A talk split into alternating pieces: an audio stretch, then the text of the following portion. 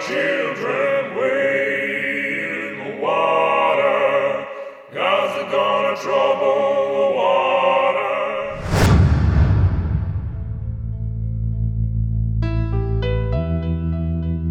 Välkommen till Hjältarna. Det här är podden där vi hyllar personer som visar civil kurage. Vi lyssnar till deras berättelse om vad de upplevde på plats.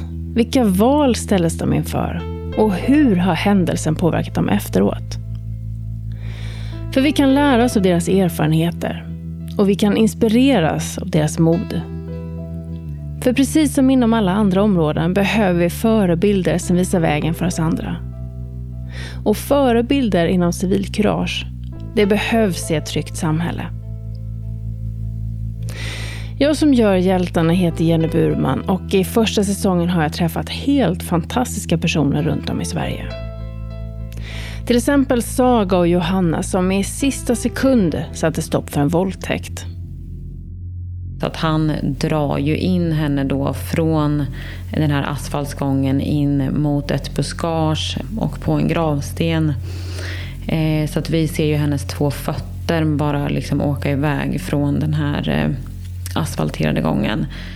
Du kommer också lära känna Ola som plötsligt står öga mot öga med personer i rånarluvor som är mitt uppe i en kidnappning. Det var väl bra att jag sprang fram ändå, för det här var ju någonting som inte stämde. Det här var ju något som var konstigt.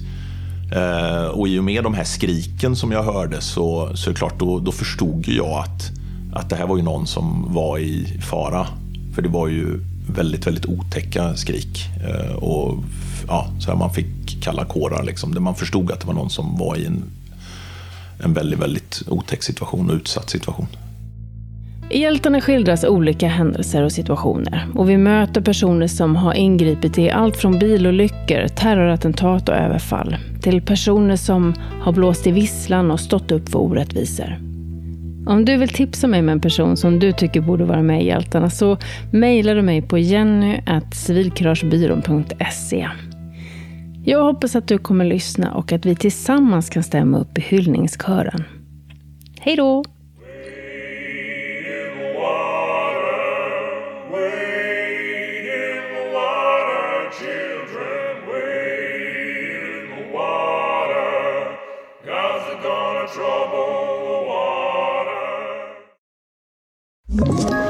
Ett poddtips från Podplay.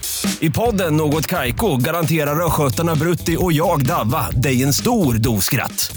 Där följer jag pladask för köttätandet igen. Man är lite som en jävla vampyr. Man har fått lite blodsmak och då måste man ha mer.